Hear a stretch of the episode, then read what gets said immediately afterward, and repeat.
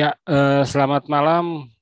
Eh, kembali lagi kita eh, bincang-bincang di Coach to Coach Podcast.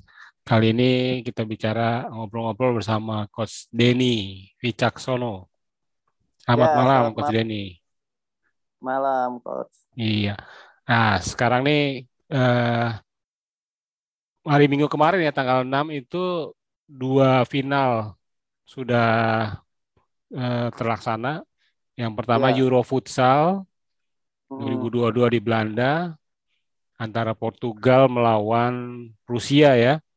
Kemudian eh, Copa America Futsal itu juga berlangsung di, ta- di tanggal yang sama, di hari yang sama, tanggal 6 Februari, eh, di mana Argentina nih kembali lagi jadi juara setelah mengalahkan tuan rumah Paraguay 1-0. Nah, kosong. Kita akan ngobrolin soal eh, dua eh, kejuaraan itu. Nanti kita akan bagi Hmm. di dua segmen nih, Coach. Segmen pertama kita ngomong soal Euro, segmen kedua kita ngomong sama eh, soal eh, Copa America Futsal. Nah, Oke. eh, untuk U- UEFA Futsal Euro 2022 di Belanda nih, Coach. Eh, lagi-lagi apa Portugal ya jadi Ya, juara ya. Portugal. Nah, dan dan Dua kali comeback Iya, back back to back ya istilahnya berarti ya. di final dua comeback kan? Ya, di final comeback setelah ketinggalan 0-2 dari Iya. Rusia, mereka bahkan bisa unggul, berbalik unggul dan menang 4-2 gitu ya. 4-2. Ya, terakhir power play-nya gagal Rusia. Power play gagal Rusia dan akhirnya diselesaikan oleh eh, Pani Varela ya di menit 39, hampir Ya. beberapa detik sebelum pertandingan berakhir malah. Ya. Nah, secara keseluruhan atau dari finalnya nih, eh, Coach Denny, menurut Coach Denny gimana nih penampilan para peserta Euro Futsal eh, 2022 nih? Ya, dari finalnya sih saya lihat Rusia itu kayak seperti terlalu percaya diri ya coach ya. Setelah Mhm. unggul 2-0 jadi hilang fokus. Ya mereka jadi hilang fokus membiarkan Portugal tuh bisa menguasai pertandingan. Iya, Jadinya bisa berbalik unggul 3-2 bahkan power play gagal jadi 4-2. Itu sih padahal sih secara penampilan menurut saya Rusia tuh lebih baik. iya betul ya. Iya mereka Iya. juga lebih banyak menyerang, hampir di sepanjang 40 Iya. menit tuh terus-terus menyerang, bahkan Terus menyerang. bombardir dengan tendangan-tendangan dari luar ya. Iya, cuma ya itu blunder dari kipernya dua kali kan Oh iya. buat buat Rusia jadi agak ngedown kayaknya mentalnya. Iya, Hanya atau dikikin kan. Mm-mm, benar. Nah, yang kedua dari tendangan jarak jauh. Iya. Iya, dari yang menurut saya sih eh, pertandingan berbalik tuh ketika kipernya blunder ketika kick-in sih. Jadi iya. saya rasa sih kipernya udah kayak hilang fokus setelah blunder itu. Jadi Oke. kayak nggak- konsentrasi lagi. Makanya terciptalah blunder kedua gitu. Itulah yang menaikkan eh, mental Portugal dan mental Rusia jadi kayak lebih nggak apa nggak percaya sama kipernya jadinya. Kalau Menurut saya sih. Oh, iya iya. Dan Iya, jadi bu- buat Portugal ini sukses ya. Pergantian artinya eh, dengan tidak adanya Ricardinho, tetapi Ya. mereka tetap masih bisa punya bintang-bintang ya, walaupun eh, tidak ada yang begitu menonjol, eh, tapi merata ya. Seperti merata ya eh, kayak Sekise kan pivotnya tuh yang jadi player of turnamen. Mhm. Nah, itu jadi penyelamat Portugal tuh waktu lawan Spanyol dengan dua golnya kan.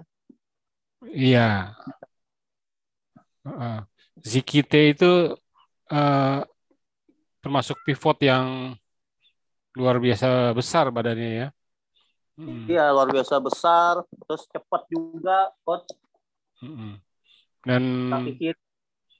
Ya walaupun di ketika melawan Rusia dia tidak mencetak gol, tapi gerakan-gerakannya itu bisa membuat teman-temannya bisa ini ya menciptakan gol. Ya, menciptakan peluang. Iya, karena kan yang yang kelihatan yang nomor 10 tuh siapa tuh nama itu? Iya, karena di Portugal ini yang mencetak gol ada Thomas Paco, Andre Kulho dua gol, sama yang terakhir nah, adalah Pani Varela. Ya, Pani Varela kan pivot. Iya. Dia pemain malah. Si Sekice cadangannya Pani Varela. Oh gitu. Ya, ya, ya. ya. Nah, justru malah di Rusia ini Anton Skin ini nggak nggak terlihat ya. Ya. Uh, gol itu tercipta oleh Sokolov dan Avan Chef yang menciptakan gol. Iya. Nah, nah uh, sebelum masuk final kan itu kan Portugal kembali lagi ketemu Spanyol ya. Mm. Hmm, itu dengan skor 3-2 juga dan kembali juga itu uh, comeback nih. Ini Portugal comeback. nih comeback stronger terus nih. Ya, yeah. Lawan Spanyol ketinggalan juga 2-0. Lalu yeah. dapat penalti. Lalu terakhir Zikite uh, dua yeah. gol ya. Dua gol. Berbalik uh, menjadi dua tiga untuk uh, Portugal. Nah. Iya betul. Kuncinya di Sekise, Sekite sih kuncinya. Yeah. Iya, ketika dia masuk merubah permainan semua. Jadi lebih mengandalkan ke Sekite. Oke. Nah, eh, lucunya eh, yang seperti sebelum kita ngomong di eh, podcast sebelumnya, eh, empat negara itu ya, ada Rusia, Spanyol, Portugal, dan Kazakhstan yang yang eh, terlihat di beberapa tahun terakhir ini menjadi ya. kekuatan di, di Eropa, Eropa ya. ya. Nah, namun hmm. ternyata uh, Ukraina ini bisa negara, ya. Iya, negara sebenarnya Ukraina juga termasuk negara yang uh, punya tradisi kuat di, ya, uh, futsal, di futsal Eropa ya. Nah, dan ya. ternyata dia bisa membuktikan bahwa Ukraina juga bisa masih uh, bisa mengalahkan Kazakhstan malah di iya. delapan besar.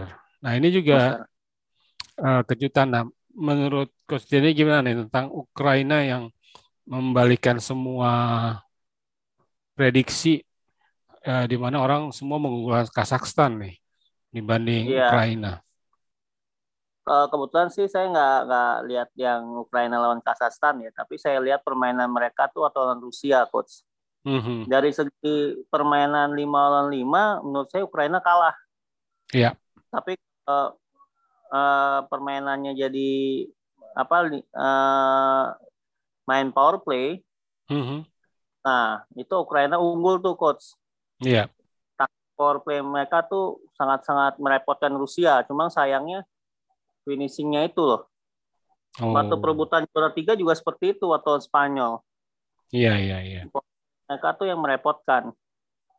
Banyak variasi taktik yang mereka ciptakan yang membuat musuh-musuhnya itu agak kerepotan. Mungkin ya saya sih nggak lihat highlightnya ya lawan Kazakhstan ya. Cuma mungkin Kazakhstan juga kerepotan dengan power play-nya Ukraina saya rasa. Soalnya saya rasa itu menjadi taktik andalan ya karena dari babak pertama saja cuma apa baru berjalan lima menit mereka udah main power play kita udah main power play Gitu Oke. Iya. Ya, di, di ketika melawan Kazakhstan juga ini uh, Higuita ini juga nggak banyak uh, berperan ya seperti sebelum-sebelumnya yeah. di pertandingan sebelumnya. Dan memang yeah. uh, Ukraina ini memberikan kejutan uh, Kazakhstan. Artinya uh, tetap Ukraina men masih menjadi uh, tim yang kuat di Eropa ya.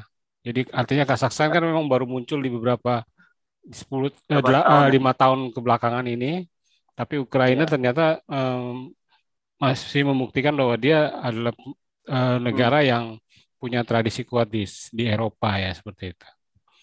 Iya betul. Nah untuk Rusia ini eh, Spanyol nih, coach. Spanyol ini kan sudah kalau dibilang sebenarnya eh, salah satu negara yang punya tradisi eh, apa namanya tradisi kuat di Eropa ya dan Hmm.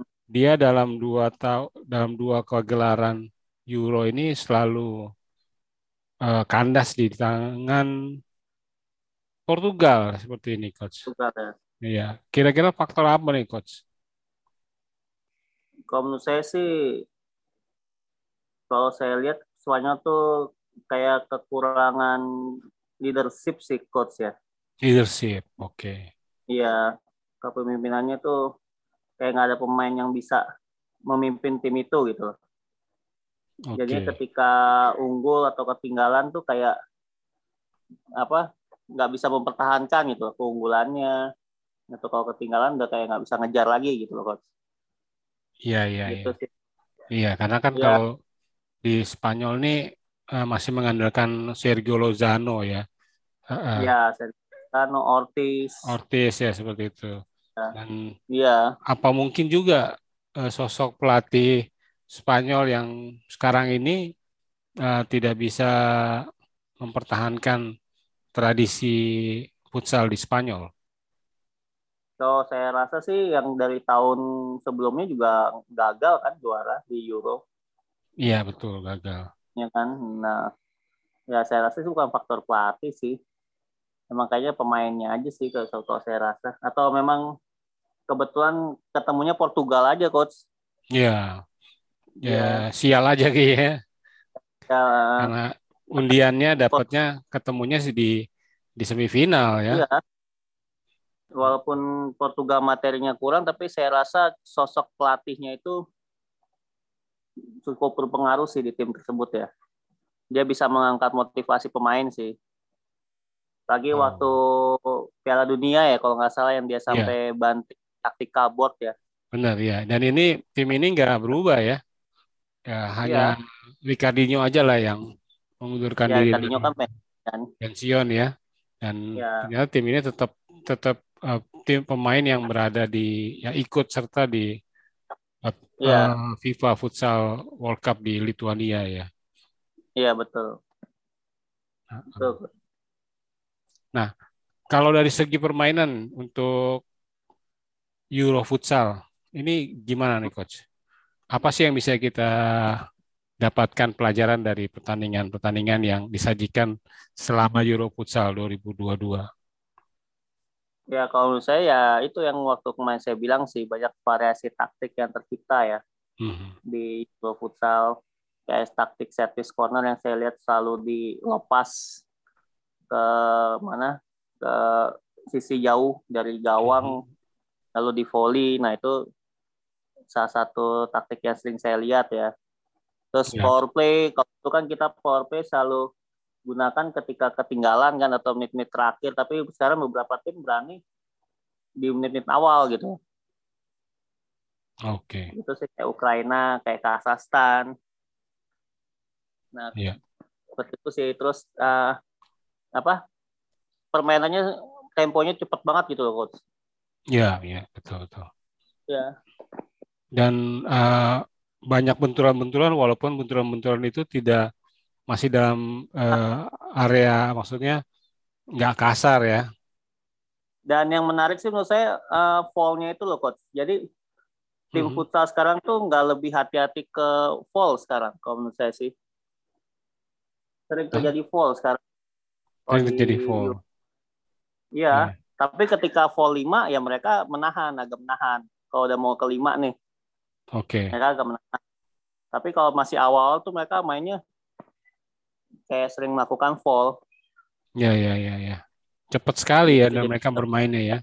Dan Temponya cepat, jadi benturan-benturan itu semakin sering terjadi. Kalau menurut Iya. saya sih. dan banyak melakukan syuting-syuting dari luar ya.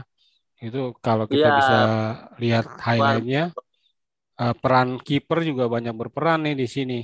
Ya, Ya. banyak eh, melakukan blocking terhadap bola-bola yang ditendang dari luar di area maupun berada Ya. di, di di di area ya seperti itu ya. Ya. Dan sekarang kiper juga berapa kali melakukan lemparan jauh langsung ya.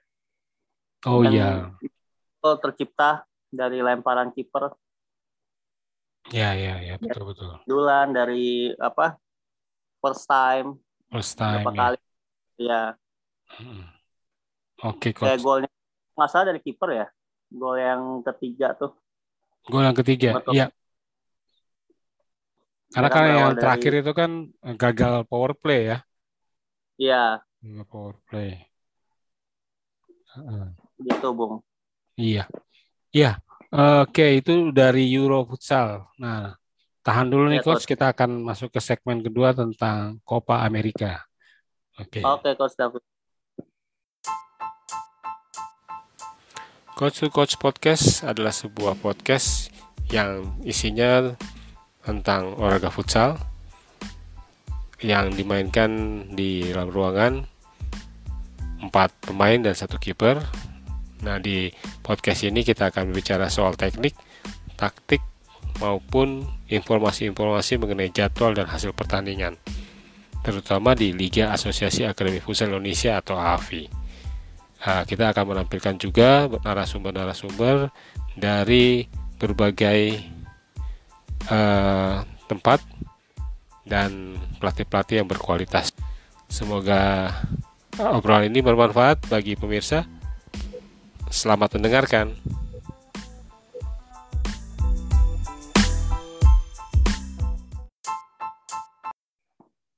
Ya, eh, kembali lagi di Coach to Coach Podcast. Kita masuk ke segmen kedua ini eh, mengenai Copa America Futsal 2022 di Paraguay. Masih bersama dengan Coach Denny. Halo, Ya, Coach. Denny. Nah, Halo.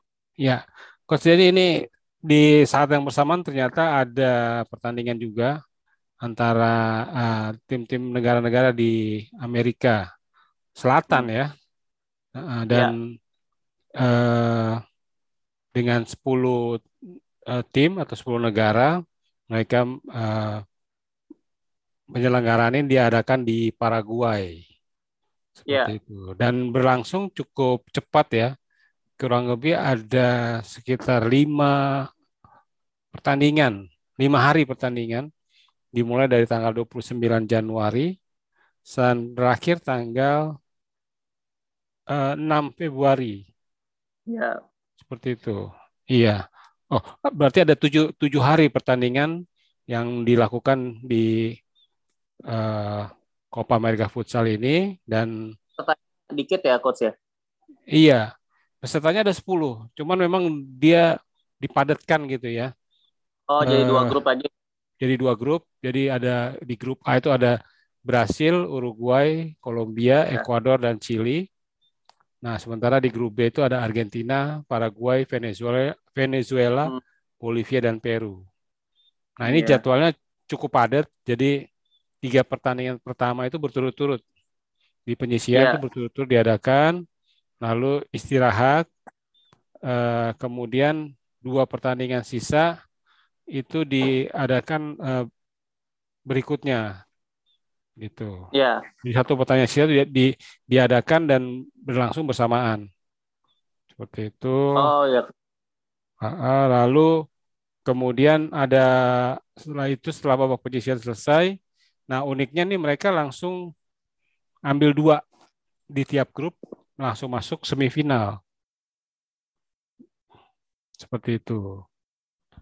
Nah, lalu sisanya eh, peringkat tiga di masing-masing grup itu diadu ya untuk Ya. me- menentukan peringkat kelima untuk Hmm. jadi eh, peringkat tiga di grup A dan grup B menentukan peringkat lima dan enam Enam.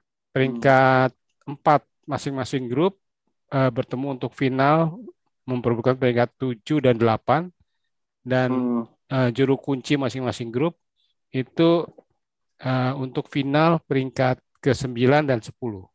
Seperti itu. Eh, eh. Ya. Nah, untuk eh, di Copa America Futsal ini juga ternyata ini dominasi Argentina terhadap Brasil kembali terulang nih coach. Iya, Coach. Iya, kan berapa tahun terakhir nih Brasil ini selalu eh, da- Juara ya. Ju- juara ya. Cuman kemarin nih beberapa tahun terakhir Argentina jadi batu sandungan nih buat Brasil.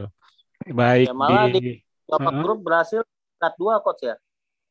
iya di di grup A itu eh, ya mereka kalah dari Kolombia ya untuk di ini apa namanya eh, babak Babak grup penyisian. Babak penyisian grup iya. Sehingga akhirnya ketemu dengan Argentina. Gitu. Ya, Heeh. tuh ketemu Argentina Ya. semifinal. ah ini per- persoalannya karena Argentina ini bukan jadi juara grup di di grup A di grup B. Dia runner up jadi ketemu Brasil. Seperti itu. Karena tuan rumah Paraguay itu yang yang mendominasi di grup B. Oh, berarti berhasil yang juara grup Argentina yang runner up ya? iya akhirnya ketemu di semifinal dan Iya.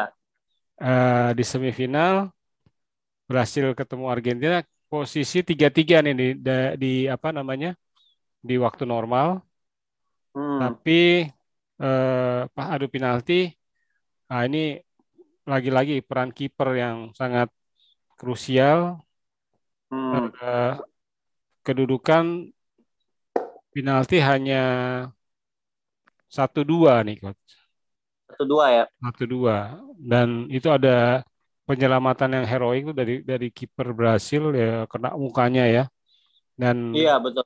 eh, apa namanya ini kekalahan Brasil yang kesekian kali dari Argentina sehingga Argentina ketemu tuan rumah di eh, Paraguay di final seperti Ya. itu. Nah kalau Coach Denny melihat eh, Copa America Futsal nih itu gimana Coach? Apa ada persamaan nggak dengan Euro Futsal 2022? Kalau saya sih jujur kurang memperhatikan Copa Amerika ya, karena jamnya kan terlalu malam ya. Mhm. Cuma kalau saya lihat highlightnya sih, ya dari tempo sih hampir sama ya coach ya. Cuman dari segi taktik ya mungkin berbeda. Ya baik lagi kan Amerika itu kan lebih mengandalkan skill individu kan, lebih mengedepankan individual skill dibanding Eropa. Kalau Eropa kan lebih ke taktik, Ya, ya. ya kan tim taktik. Cuman kalau pemain Amerika Selatan tuh lebih ke skill individu. Kalau yang saya lihat sih, Ya. variasi taktiknya kurang le- lebih banyak di Euro futsal menurut saya. Iya, iya, memang kelihatan juga, tapi juga ada kesamaan di mana banyak eh, pemain-pemain futsal sekarang baik di Euro maupun di Copa America itu banyak melakukan Mhm. syuting dari luar dan memanfaatkan Ya. bola-bola mati nih set piece untuk kick in, corner kick itu mereka atau free kick mereka banyak memanfaatkan itu. Dan terbukti di eh, final juga ini hanya satu kosong nih coach. Ya, Iya betul. Heeh, dan golnya itu eh, hasil lempar Hasil kiper. dari kiper ya, delivery dari Ya. kiper langsung ke pivot eh, si Brandy ini, Alex Brandy ini eh, setengah volley dia menendang bola ke, ke gawang dan eh, Papan. Ini Ya. lagi ya. di rebound dan bisa nyetak gol seperti itu. Dan itu satu-satunya gol di final seperti itu. Iya. Nah, jadi apa namanya? Eh, Copa Amerika ini lebih menarik jadinya karena eh, selama pertandingan di di group stage maupun di final stage ini itu enggak eh, banyak pertandingan-pertandingan yang ketat ya dibanding eh, sebelum-sebelumnya. Jadi dominasi Brasil dan Argentina itu enggak Nggak kayak dulu ya. Coach kayak ya. dulu ya, kita bisa menyaksikan Brasil atau Argen Brasil lah terutama bisa menyetak gol lebih banyak ya. Bahkan misalkan sampai belasan gol bisa tercipta ke gawang Ya. lawan. Tapi eh, di kali ini eh, enggak. Skor terbesar itu hanya terjadi di antara Ekuador melawan Uruguay, di mana Uruguay menciptakan 6 gol. Seperti Enam itu. gol ya. Enam gol.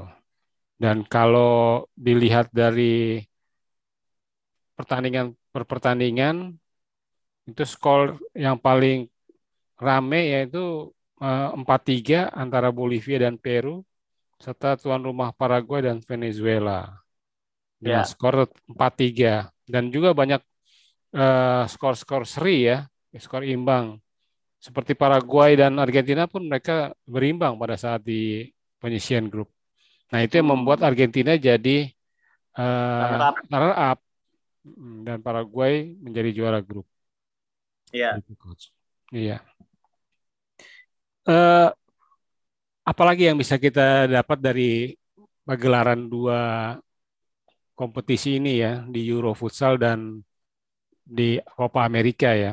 Nah, eh, kalau menurut saya sih ada beberapa yang terlihat bahwa banyak negara-negara eh, negara-negara ketiga lah istilahnya yang artinya mungkin tidak bisa berprestasi di sepak bola tapi bisa berprestasi di futsal. Ya, ya. di futsal benar. Uh, kalau di Copa America ini ada Venezuela nih yang punya kalau lihat kemajuan terhadap hmm. permainan futsalnya. Lalu juga walaupun uh, tim-tim lain ini kayak Peru, Bolivia, Ekuador itu juga ternyata mereka juga bisa memberikan uh, permainan yang menarik ya di ya. selama pagelaran ini ya coach. Nah, betul betul. Menurut coach ini apakah memang futsal ini sudah mulai merata di negara-negara ketiga atau bagaimana nih coach? Ya betul coach yang kayak coach David bilang futsal udah mulai merata sih menurut saya. Jadi negara-negara di dunia ini udah mulai melihat futsal gitu. Yeah. Udah melihat futsal atau mungkin ya negara-negara yang menurut mereka tidak bisa bersaing di sepak bola mereka malah fokus ke futsal gitu. Mereka ya. ada potensi di futsal. Ya melirik ke sana ya semua hampir semua nah, negara ya. Nggak ya. hanya di Eropa ini ya Copa America ya. Ternyata di Eropa juga sama ya coach? Iya betul uh, coach. Kalau Jadi, di Eropa Selatan uh -uh. sih. Iya. Baru beberapa negara mulai melihat futsal kayak Paraguay kan jadi tuan rumah dan bisa ke final gitu kan. Sebelumnya yeah. kan kita kan nggak tahu kalau Paraguay itu timnas futsalnya kuat ternyata. Iya. Yeah. Uh. Dan kayak kemarin apa Venezuela, kalau Venezuela kan udah pernah masuk Piala Dunia coach ya. Ya, itu baru tahun pertama kali itu debut di pertama kali tahun itu ya? pertama kali itu. Iya. Kalau lihat dari Copa America dari yang diselenggarakan dari tahun 1992 ya itu sampai 2022 itu ya. eh, Brasil itu sudah meraih eh, Piala Copa America ini tujuh kali. Nah, ya, betul. cuman menariknya itu dari tahun 92 sampai 2000 itu berhasil terus menerus tuh. Berhasil ya? Iya, berarti eranya Falcao tuh ya. Falcao betul. Uh, tapi setelah 2003 itu berubah. Ya, nah di situ mulai timbul yang namanya Paraguay dan Paraguay ini eh, menjadi tuan rumah di di apa di Copa America. Baru ya. eh, di tahun 2003 Argentina baru bisa mengalahkan dominasi Brazil dengan menang ya, 1-0 di final. 2007 atau 2003 coach? Eh, 2003 sudah. 2003 ya? Ya itu pertama kali Argentina menjuarai oh. Copa America dengan mengalahkan Brasil. Nah, lalu kemudian di dua pertandingan, eh, dua pagelaran berikutnya Brasil masih mendominasi. Di 2015 kembali Argentina menang 4-1 di hmm. final dan uniknya bukan lawan Brasil di final, malah bertemu dengan Kolombia eh, Paraguay. Paraguay. Jadi ini uh, pertemuan kedua nih antara kedua negara Argentina dan Paraguay hmm. di final. Dan Argentina menang 4-1. Ya, berhasil ya.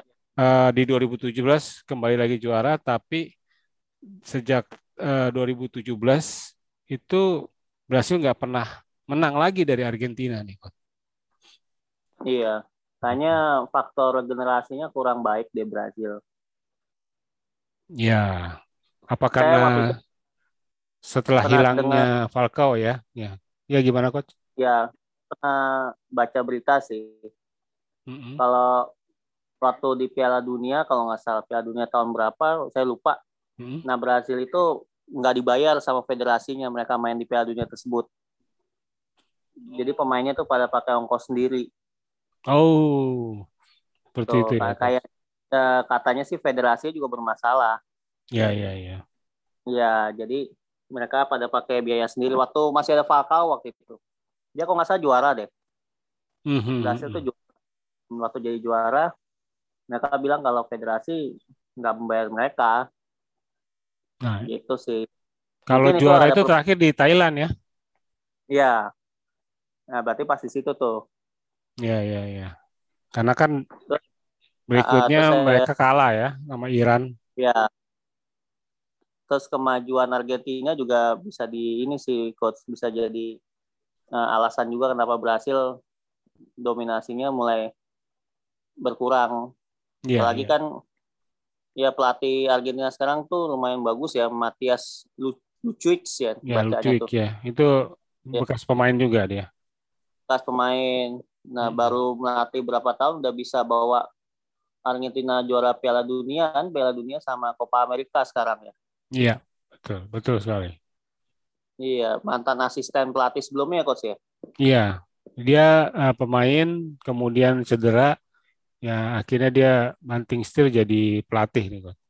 Iya, pelatih dan Argentina. sukses saya sih. Iya, Ya karena faktor itu juga sih Argentina bisa me, apa namanya me- menyingkirkan dominasi Brazil di Amerika Selatan. oh benar benar. Iya. Bukan hanya sepak bolanya aja coach ya yang bisa juara berarti ya Argentina ya Iya. di Jadi Copa America. eh, Argentina eh, bisa mengawinkan dua ini ya, dua gelar ya, Ya, di sepak bola dan di Iya, dan futsal ya. futsal. Nah, kalau di sepak Iya. bola ini kan karena eh, ini cukup apa ya spektakuler karena ini penampilan mungkin penampilan Messi ya yang yang terakhir kali ya untuk Hmm. di Copa America ya dan dia bisa eh, juara ya akhirnya bisa juara ya. Heeh. Juga pelatihnya sama-sama muda ya. Iya sama-sama muda. Eh, lalu eh, kalau dari sepak bola kan si Roberto Scaloni ya Mhm. itu lama merantau di Italia. Kalau si Matias Lucic itu lama merantau di Spanyol. Oke. Iya. Iya, mungkin dari situ mereka belajar taktik-taktik dan mereka aplikasikan di timnasnya masing-masing ini. Iya. Dan memang kalau dilihat di Argentina memang kita belum eh, begitu tahu ya tentang liga di sana. Eh, Ya. dibanding dengan di Brasil, di Brasil punya punya eh, kompetisi yang cukup rame ya dan Hmm. walaupun unik cara pelaksanaannya tapi lebih terkenal lah klub-klub di Ya. futsal di Brasil dibanding Argentina. Iya, betul. Mm. Karena di Brasil udah lama kan liganya berjalan. Iya, iya. Ya, ini buktinya dari tahun 92 sampai tahun 2000 itu Brasil jadi selalu jadi tuan rumah. Nah, Iya, betul.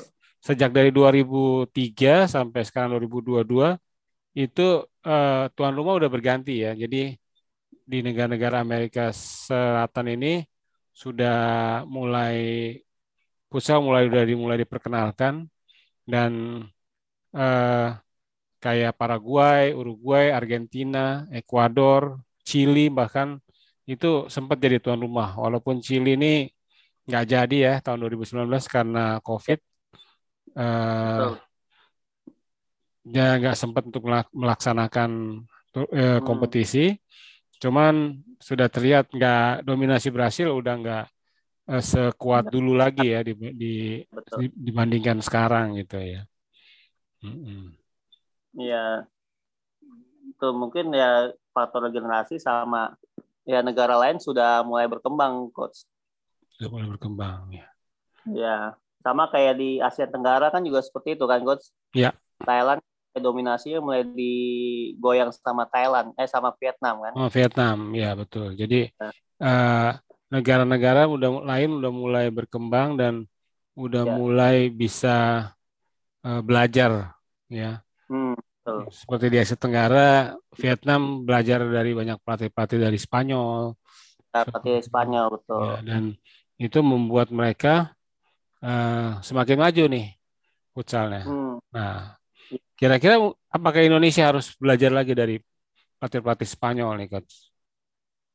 Kalau menurut saya sih kemarin dengan direkrutnya Kensuke sih udah lumayan perkembangannya bagus sih, coach. Iya.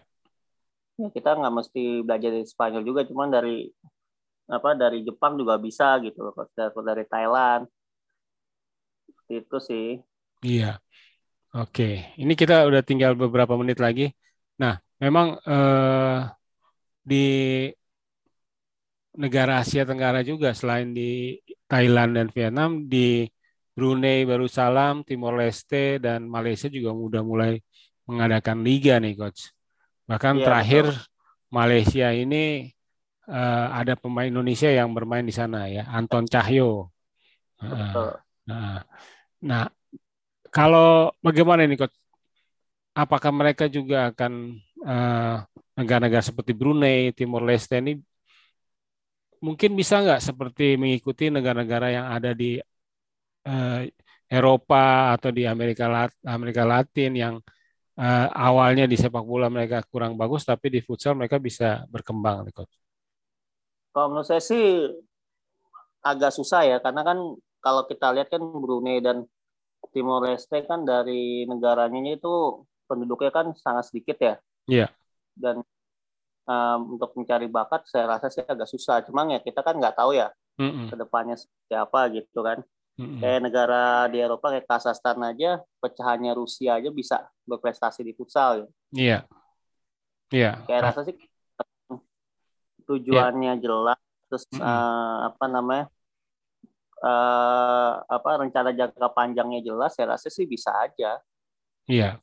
Nah, terutama uh, harus diadakan liga ya.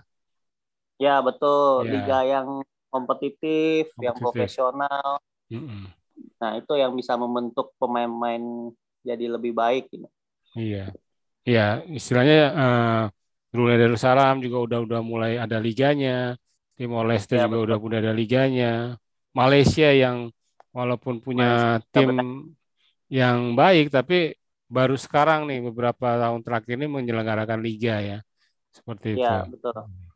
Kalau ya dilihat di kalau di Malaysia ini uh, sebenarnya kayak antar provinsi ya karena iya. masing-masing yeah. provinsi punya satu klub. Oke, Coach Denny, kasih nih atas obrolannya mengenai Euro Futsal dan Copa America Futsal. Uh, semoga tontonan yang uh, kemarin kita lihat tuh bisa selain menarik juga bisa menjadi pelajaran buat kita semua nih, Coach. Ya, semoga seperti itu, Coach ya. Oke, Coach, terima ya. kasih. Uh, selamat malam. Salam malam. Futsal Indonesia. Salam Futsal Indonesia. Terima kasih, Coach David.